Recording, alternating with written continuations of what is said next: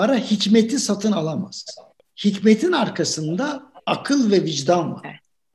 Yani dolayısıyla e, Kur'an-ı Kerim'de de ve diğer kutsal kitaplarda da özetle üçünü birden özetleyerek söylüyorum kitab-ı mukaddeslerde Yaradan diyor insana her şeyi verir. Varlığı verir, güzelliği verir, kuvveti verir. Ama hikmeti verme, vermezse diyor anlayamaz. Değerini bilemez. Değer de bilmez diyor. Elindekinin kıymetini bilmez, anlamaz. Ona diyor olduğundan daha büyük anlamlar yükler. Dolayısıyla diyor hikmet sahibi olan kişiyle varlık sahibi olan kişi arasında çok büyük bir fark vardır. Hikmetin içinde çokça da sevgi vardır. Dolayısıyla hikmet sahibi olan kişi sevgiyle yorulmuştur. Öbürünün içi boş. Yani hikmet sahibi olmayan kişi dünyanın bütün parasına sahip olsa ne olur? İdrak yok bir kere. Kızılderililerin de öyle bir sözü var. Bu aralar ben onları biraz okuyorum da şey diyorlar yani bilgi değil de hikmet sahibi olmak kıymetli hayatta demişler. Çünkü bilgi değişir ama hikmet işte başka bir şey. Hicmet anladım da ilk başta o yüzden hikmet, hikmet aynen execute etmek demek yani konuyu anlayabilmek demek yani hani idrakte olmak demek. Evet. Evet. Yazık. Şimdi bir de not gireceğim. Ya bütün zenginlere böyle şey yapıyormuşuz değil ama paranın biraz önceki sorumu Pınar hatırında ya, mı? Yani. Zenginlerle alakası yok kardeş. Memleketin evet. zenginliği yüzde doksanı bu kafada ya bırak. Yani o kadar kibar olmana gerek yok ya. Zaten bu memleketin zenginliğinde bir halt olsa memleket bu hale gelir miydi? Aklıma şey geldi. Onu, onu söyleyeceğim şimdi. Söyle. Niye, niye kendine şey yapıyorsun, tutuyorsun böyle? Tutma. Ha. Doğru. Yatları söyledin. Ben de belki çok zenginim. O yüzden kendimi tutuyorum. Nereden biliyorsunuz Allah? Sen müstesnasın demek. bütün, bütün programı... Bir halta yarayan adamlar değiller yani. Tövbe estağfurullah. Ha, Pınar'cığım bütün, bütün, bütün programı kendime bir e, şey olarak e, ne o? ne? Ha şey. Wallpaper filan olarak kullanıyorum diye. Hikmet şey e, Arapçada e, ben Arapça bilmiyorum ama Arapçanın şu kuralını biliyorum. E, Arapçada biliyorsunuz üç tane sessiz harf yan yana geldi. Yani hikmetin HKM'nin kökünden Hikme. hüküm, hakim, hekim. Hmm. E, bunların hepsi türüyor ve bunların hepsi hikmet sahibi kadar. olması gereken insanlar işte yani. Doğru ne güzel. Ne güzel. Evet, evet. Evet, evet, öyle. Ee, sen bana ne soracaktın? Şunu ben... sordum ben e, biraz önce. Yani bu paranın yani bu insanlar, bu kişiler belli bir noktada servet sahibi olduktan sonra tabii genellemeyerek soruyorum bunu ama bazıları veya zenginlik sahibi olduktan sonra bu hayatın temel felsefelerini, prensiplerinden nasıl bu kadar uzağa gidebiliyorlar? Yani gözlerine perde Yani bir mesela şey gibi. söylemek istiyorum. Lütfen söyle.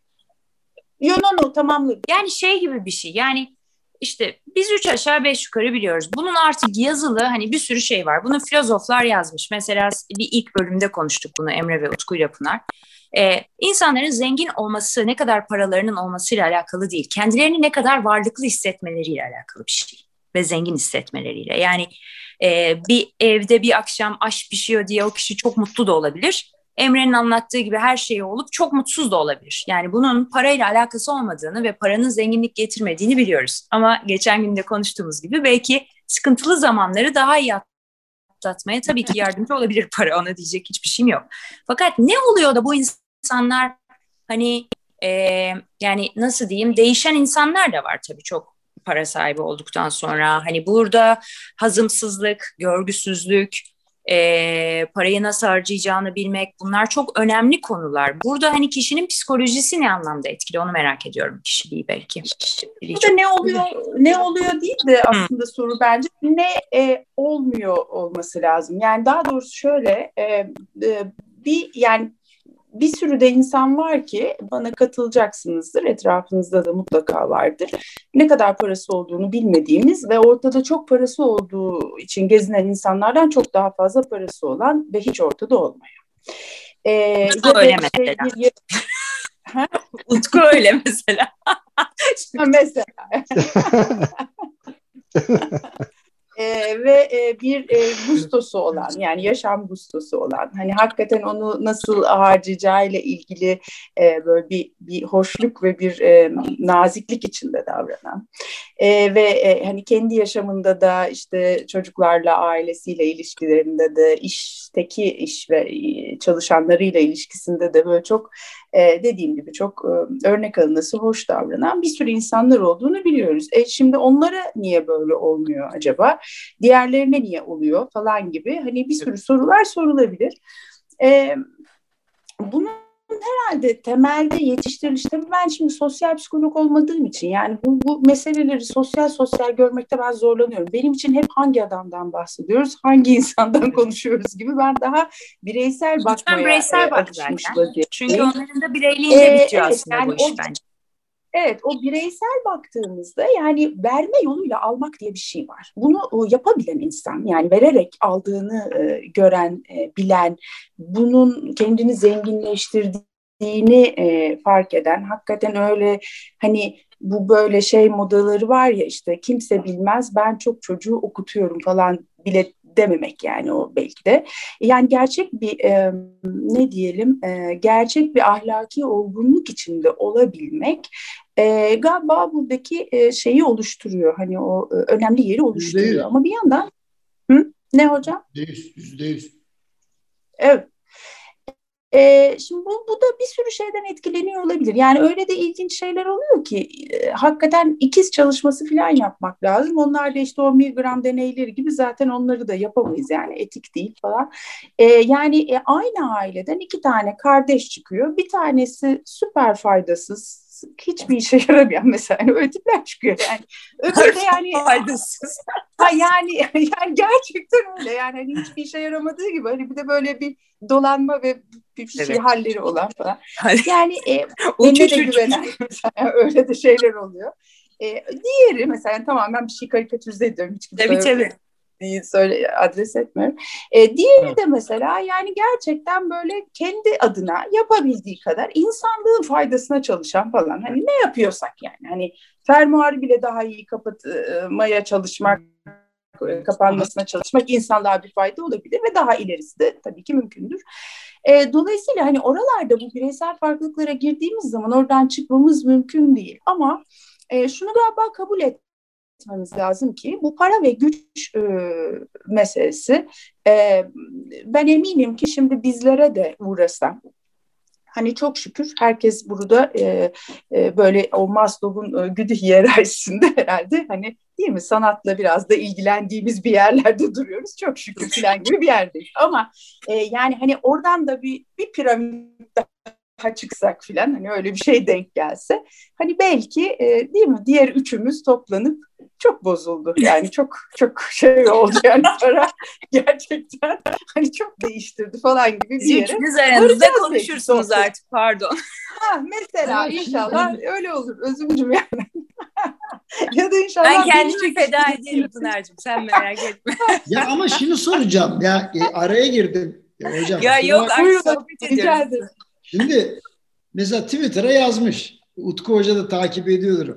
Ya bütün bu profesörlerin Allah belasını falan hiç üstüme alınmıyorum ya. Yani ben de profesörüm ama ya adamın bahsettiği şey benim tarifime uymuyor. Yani şimdi bizim bu zengin yani zararlı zengin ya da faydasız zenginle yaptığımız bir sohbette üstüne alınan varsa demek ki o kategoriye uyuyorlar. Öbürü de adam abi benden bahsetmiyor adam haklı ya. Ya da Pınar Hoca haklı, Utku Hoca haklı, Özüm Hanım haklı falan diyordur yani içinde. Yani mantıklı bir insan bunu burada. Yahut da ya adam mesela birine göre varlıklıdır, öbürüne göre varlıklı değildir. Benden bahsetmiyorlar herhalde de. Gelir geçer anlatabildim mi? Yani burada zaten doğrudan doğruya üstüne alınan ah bana mı diyorlar falan dediği zaman demek ki adam çat çerçeveye oturuyor yani pat diye. O yüzden yani bizim söylediğimiz e, cümlelerden Zülfiyar'e dokunan varsa bir düşünsün. Şimdi derviş yolda yürüyormuş müritleriyle. Bir tane deli gelmiş. Karşısında dikilmiş bir de gülmeye başlamış. Derviş koşmuş soğuk sularla yıkanıyor demiş de ne oldu üstad? Ya demiş kuşlar bile demiş gökte türleriyle beraber uçar. Herhalde bir benzerlik buldu bende demiş yani güldüğüne göre diye. Ondan sonra bende de bir tuhaflık var diye. Yani dolayısıyla bizim tarifini tarifimizden alınan varsa demek kendini içinde görüyor. Abim tedavi olsun gibi. Benim yapacağım bir şey yok. Yani alın, alınacak birisi varsa da sabaha kadar alınsın. Bana ne? Ben de geri vites yok. Bizde ben alınmam. Yani konuşursanız arkamdan da onu söyleyeyim baştan. Mesela ar- arada mesela birisi diyor ki ulan diyor, profesörlerin diyor ha, bu memlekete diyor bir tane diyor katkısı yok diyor. Hiç ben üstüme alınmıyorum. Ya bütün profesörleri ben temsil etmiyorum. Bana ne kardeşim ya Allah Allah. Yani evet doğru anlam- söylüyorsun. Yani hani e, alınıyorsan dönüp kendine bakacaksın. Evet. E Pınar'cığım sen şeyi devam ediyordun. O gün o gün o gün geldiğinde ama özüm alınmayacakmış onu öğrenmiş Peki e, şunu söylüyordum işte e, yani bu bütün örneklerden konuştuğumuz şeylerde hani bir e, bir bir şaşkınlık, bir kendini bilmezlik, bir e, saçmalamalar, bir ahlaki bu Kohlberg diye bir e, e, şey var. E, Kohlberg ahlak gelişimini ortaya koyan e, bir şey e, uzman da, diyelim düşünün. E, o diyor ki işte üç, üç dönem altı basamakta inceliyor falan. E, Diyor ki bu ahlaki gelişim ilkeleri şimdi normalde gelişim psikolojisinde her şeye bir saat verilir. Yani 3 yaşında şunu yapacaksın, 5 yaşında şu ödevi tamamla işte. 32 yaşında şunu halletmiş, 32 net bir şey değil de bu aralıkta bunu halletmiş olman lazım. Gelişim ödevleri denir ona. Ahlaki gelişimde şunu söylüyor, diyor ki ahlaki gelişim insanın hayatının herhangi bir döneminde, herhangi bir seviyede tamamlanabilir. Yani hmm. bir adam 45 yaşında kimse görmüyorsa çalabilir. Yani hala şey seviyesine ulaşmamıştır. Hani normalde ne bekleriz? 40 yaşında, 45 yaşında neyse işte bir, bir, bir yaşta yani olgun bir yetişkin bir yaşta bir insandan kimse görmese de çalmamanın ahlaki olduğunu bilmesini ve bunu böyle Katılıyorum hocam. Ya da işte bir e, kedinin üstünden gezmeyi, geçmeyi kimse görmediyse, yolda da kimse yoksa be adam ne yaptığını görmüyor musun diye arkandan bağırmıyorsa hiç de dert etmemesini beklemeyiz. O toplumsal sözleşmeye uymasını bekleriz falan. E, şimdi ha, insanlar e, bu ahlaki gelişimi bir kere bir takım yerlerinde ve muhtemelen de alta yakın bir takım yerlerinde kala kalıyorlar. E, buralardaki tabii sorunlar ve sorular çok e, daha kocaman sorular yani baktığımızda ya da işte çok o, ahlaki olarak gelişmiş bir kültür söyleyin bana ki yok yani bilmiyorum öyle bir kültür var mı. Onlar bile işte, işte yani dünya tarihine baktığımızda kim kimi öldürmemiş, kim kimi filan hiç bilmiyorum bulunabilir mi öyle bir şey zannetmiyorum. Yani o işte vice versa yani bir ara ezilen de mutlaka eziyor. Yani zalim e, daha sonra mezalim zalim falan o işler değişiyor. Yani dolayısıyla e, burada parayla ilgili de konuşulması gereken, sorulması gereken soru bu parayı bulunca insanlara ne oluyor değil de bu parayı bulunca bir şey olmayanlara ne oluyor esas yani bunlarda ne tip bir şey var olmalı. Çünkü galiba biz e, naturamız gereği parayı falan gücü ya da işte başka bir şey yani bardağı da bol bulsak onun da tadını kaçıracak bir şeyi yapabilme potansiyeli taşıyoruz. E, böyle bir çiğliği barındırıyoruz bir şekilde. E, bu savaşlardan falan konuşurken aklımda hep şey döndü ne güzel şarkıdır e, Sezen Aksu'nun Masum Değiliz Hiçbirimiz. Hiçbirimiz masum değiliz gerçekten. Yani e, burada hani işte bir dinden durup işte Müslümanlar olarak biz çok tabii katledildik falan. Öyle değil ya yani hiçbirimiz masum değiliz. Evet. çok katledildik falan neyse işte hani böyle söylenebilir. Evet öbürleri de bilmem ne. Evet öbür e, işte etnisiteye baktığımızda orada başka bir e, zulüm. Yani bu e, belli ki bizim e, nüvemizde, bizim çekirdeğimizde var. Ve biz bunu çok zor kontrol edebiliyoruz. Ve buna işin e, çok da ciddi bir e, şeyi ekleniyor işte dediğim gibi onu ben bilmiyorum. Hoca onu anlatsanıza bize ya Emre Hocam. Yani o ekonomik olarak da o savaşın neyse işte o öldürmenin falan hani değil mi o böyle pık diye tık diye oturuyor o birbirine. Şey var yani e, şey var kişisel mülkiyetin e, çok fazla gelişmediği özellikle 19. yüzyıla kadar gelişmediği ülkelerde bu bahsettiğiniz bu az gelişmiş kafa çok etkili. Yani çünkü e, mülkiyet geçici. Yani geliyor orada birisinin malına göz dikiyor, öldürüyor ya da eziyor alıyor. Ama zaten bütün mal ya kralın ya sultanın. Yani yani o yüzden hani e, dolayısıyla hak iddia etmesi de çok kolay değil. Yani dediğim gibi yani private property dediğimiz yani mülkiyet hakkının e, kanunla korunduğu e, bir e, yapıya kavuşana kadar geç kalmış olan e, ülkelerde maalesef e, bahsettiğim gibi az gelişmişlik yayılmış oluyor. Mesela Latin Amerika'da öyle İspanyolların mezaliminden yani Simon Bolivar'la kurtulmuşlar. 19. yüzyıl ya. Oo yani ondan sonra da bir türlü toparlanamamışlar. Yani beni şaşırtan ne biliyor musunuz? Yani anlıyorum Atatürk 1923'te e, Cumhuriyeti kurduğu zaman Osmanlı'nın millet olarak tarif ettiği tebaaların önemli bir kısmı sınırların dışında kalmış. Ve bir devleti oluşturmuş, devletten sonra millet oluşturulmaya başlamış. Ancak yani yüzyılların eksikliğini Atatürk 15 yılda biraz hızlandırılmış kurs olarak hani demokrasi açısından, kadın hakları açısından e, ne bileyim ben başka şeyler. Ama bazen şunu da diyorum yani General Scowcroft'un çok güzel bir şeyi var. Condoleezza Rice'ın akıl hocasıyken ona küstü.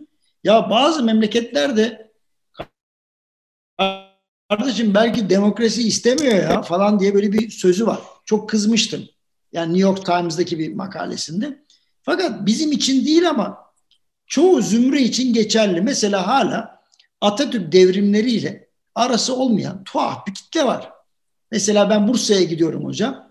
Orada bir tane üniversite rektörü, vermeyeceğim ismini. Şimdi bu harf devrimi iyi mi oldu diye bana soruyor. Şimdi buna atomu ne cevap? ben dedim ki bak, olmasaydı atomu bulacaktık değil mi hocam? Tam şimdi ben dedim ki abi şimdi tabii uzun cevap oluyor Utku hocam. Ben genelde kestirmediğim de siyaset bildiğim için ondan sonra diyorum ki geçmişe bakma. Sen geleceğe bak. Tamam böyle yap. Şimdi adam cevap veremedi.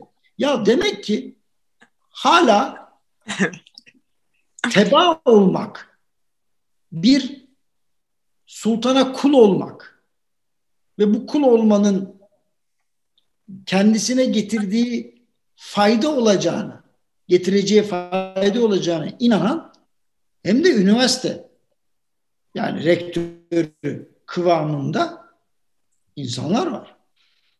Şimdi ben suçlamak için demiyorum, yargılamıyorum. Çünkü bu onların yaşadığı hayatı ben yaşamadım. Benim oturduğum yemek sofrasında Profesör Doktor Erdoğan Alkin bir de balerin olup ondan sonra genç yaşında dış ticaret işlerinde çalışmış Mohan Alkin gibi iki tane insanın elinde büyüdüm ben. Şimdi o rektör arkadaşım benim annem ve babamın çocuğu değildi. Kim bilir kafasını neyle zehirlediler? Kim bilir Atatürk'e nasıl düşman ettiler? Kim bilir evde ne konuşuluyordu? Belki evde hiç konuşamıyordu. Ben bilemem. Ama burada anladığım kadarıyla işte mülkiyet hakkı, fikir mülkiyet hakkı, ardından çok övdükleri Abdülhamit Efendi, ondan sonra üç kişi yan yana geldiğinde efendim isyan başlatılacak diye içeri atılan insanlar, ondan sonra e, diğer taraftan futbol oynamak isteyen gençleri bunlar padişaha isyan edecek diye içeri atmalar, dövmeler. böyle yerlerden geçmişiz biz ya. Kusura bakmayın. Ya inanır iyi biliyor ya. Bizde de kelimeler yasak. Paralel diyemiyoruz. Ben, yani anlatabildim mi? Yani vallahi diyemiyorum ben. Korkuyorum paralel demeye yani bana bir şey gelecekti. Ya koskoca matematikteki paraleli kullanamıyoruz. Yani yaratılmış olan rezillik, alçaklık sebebiyle. 15 Temmuz'daki alçakça saldırı sebebiyle paralel kelimesini kullanamıyoruz mesela. Şimdi demek ki biz daha gelişmemişiz. Bu bir. Yani dolayısıyla hocamın sorusuna şöyle cevap vereceğim. İşte mülkiyet hakkı, fikri mülkiyet hakkı, hak ve özgürlükler, adalet, eğitim, bunları kendine ait bir hak olarak görmeyen milletlerin düştüğü durum bu. Dolayısıyla bir Finlandiya kalkınma teorisi var. Gelişmemiş olan ülkeler kalkınamazlar çünkü kalkınamazlar. Bir cümleyle anlatmış mesela. Çok tuhaf bir şey. Daha fazla konuşmayın. Sizin şey yani, geleceğe bak. Ama dediğin gibi zengin olmakla varlıklı olmak arasındaki farkı tek bir örnekle anlatıp susuyorum. Çünkü sabaha kadar konuşuruz. Ama ben de işte beşinci toplantıdan çıktığım için yoruldum. Onasis'in teknesine bir Teksaslı milyarder gelmiş. Onasis'in davetleri meşhur o sırada. Herkese diyormuş ki bütün kadınlara bende 15 milyar dolar para var, bende 15 milyar dolar O kadına bu kadın. Neyse bütün kadınlar sıkılmışlar. Ya zaten Onasis'in teknesindeyiz sen kimsin. Neyse. Neyse parti hafif biterken Onasis bunun koluna girmiş. Adamı bir mutfağa götürmüş. Demiş babacığım sen parayı sayabiliyor musun? Sayıyorum ben demiş. Kaç param var? 15 milyar dolar param var. Ona siz demiş ki sen paranı sayıyorsan senin çok paran yok demiş. Çünkü sayabiliyorsun paranı demiş. Gerçekten demiş çok para sayamayacağın kadar para. Şimdi adam bozulmuş. Demiş ki bozulma kardeşim belki benim senin kadar paran yok ama ben saymıyorum demiş. Tamam mı? İşte olayın esası bu. Yani moral of the story. Aynen öyle. Yani sürekli olarak elin elindekini kaybetme endişesiyle yaşayan insanlar bana bana ben de bak çünkü şahsiyeti yok adam. Arasından anlattım. Bütün de, bütün bütün değer e, o, o somut e, varlığın üzerinden tabii şey görüyor, işlem görüyor. Öyle bir Halbuki şey. iç, iç önemli, içi Pınar'cığım. içimizin nasıl hissettiği önemli. Vallahi bize de öyle dedi. Ya zengin olmakta bir zarar yok onu da söylüyorum ya. Güzel yok. bir şey. Ama evet, içim evet. fakir hissediyorsa zengin Bari o kadar zengin diye mutlu ol. Mutlu ol be kardeşim ya. Adam mutlu da olamıyor ya. Vallahi özün bu söylediğinde başka bir tartışma. Ben bu arada Emre Hocam çok katılıyorum. Hakikaten e, bir, bir tane filmde izlemiştim. Ya ben beyazım diye mi beni cezalandırıyorsunuz diye böyle bir, e, bir tane adamın bir isyanı var. Zengin de zengin yani ne yapalım? Teknesi var değil mi Özüm yani? Evet, Sen de bak öyle diyorsun. Ne Kuralları uysun.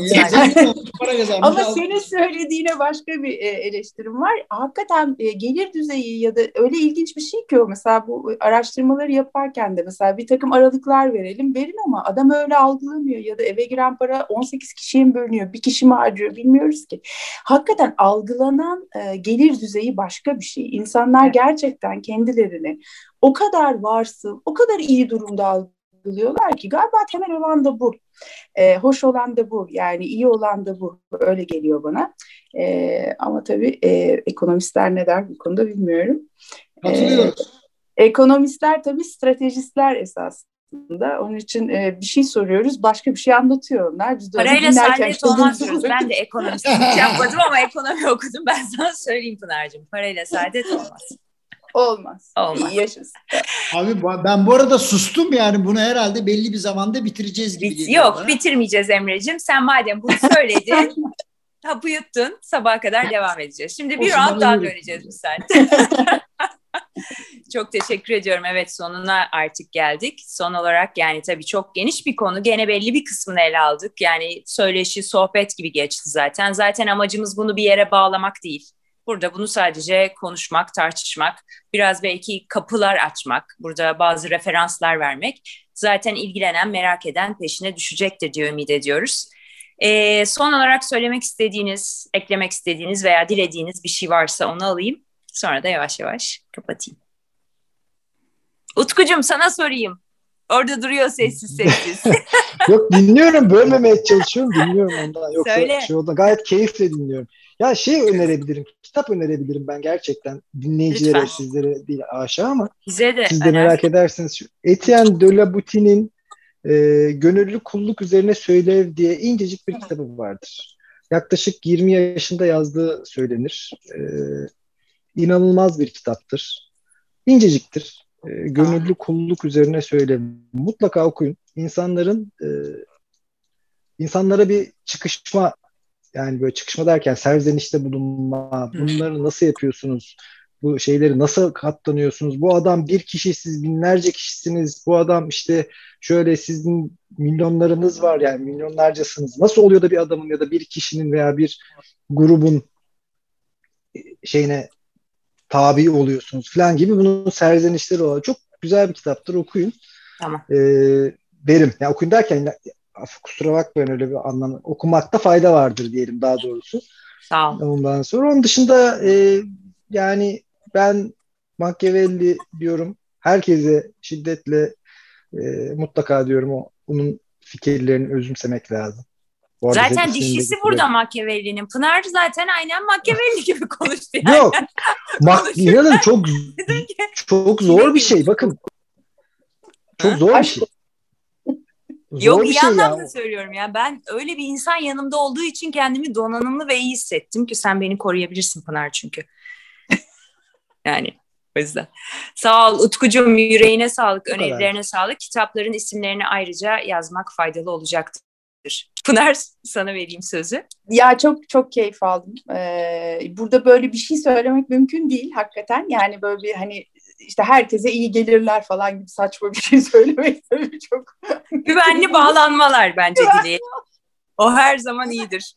Evet. O, o bizim sloganımız. Onun gibi bir, bir şey yani. Ee, umarım hani e, şakayla karışık söylediğimiz hepimiz ay ne kadar yoldan çıktığı deneyimleyeceğimiz belki zamanlardan geçeriz.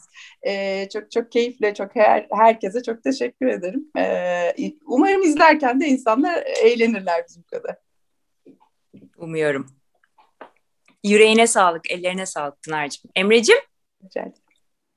Ramazan ayının son gününde aslında bunu yapıyoruz. Bir gün, son gününden bir günde.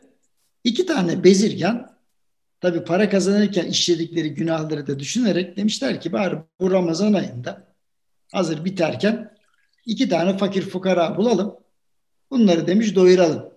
Ondan sonra iftar vakti. Yolda da iki tane dervişe rastlamışlar. Dervişlere demişler ki hadi gelin beraber demiş iftar açalım. Dervişler demişler ki iftarı demiş şeyde kasabada açmaya gerek yok. Gelin dergaha diye. Allah'ım bunlar bir sevinmişler. Kör istedi bir göz. Allah verdi iki göz.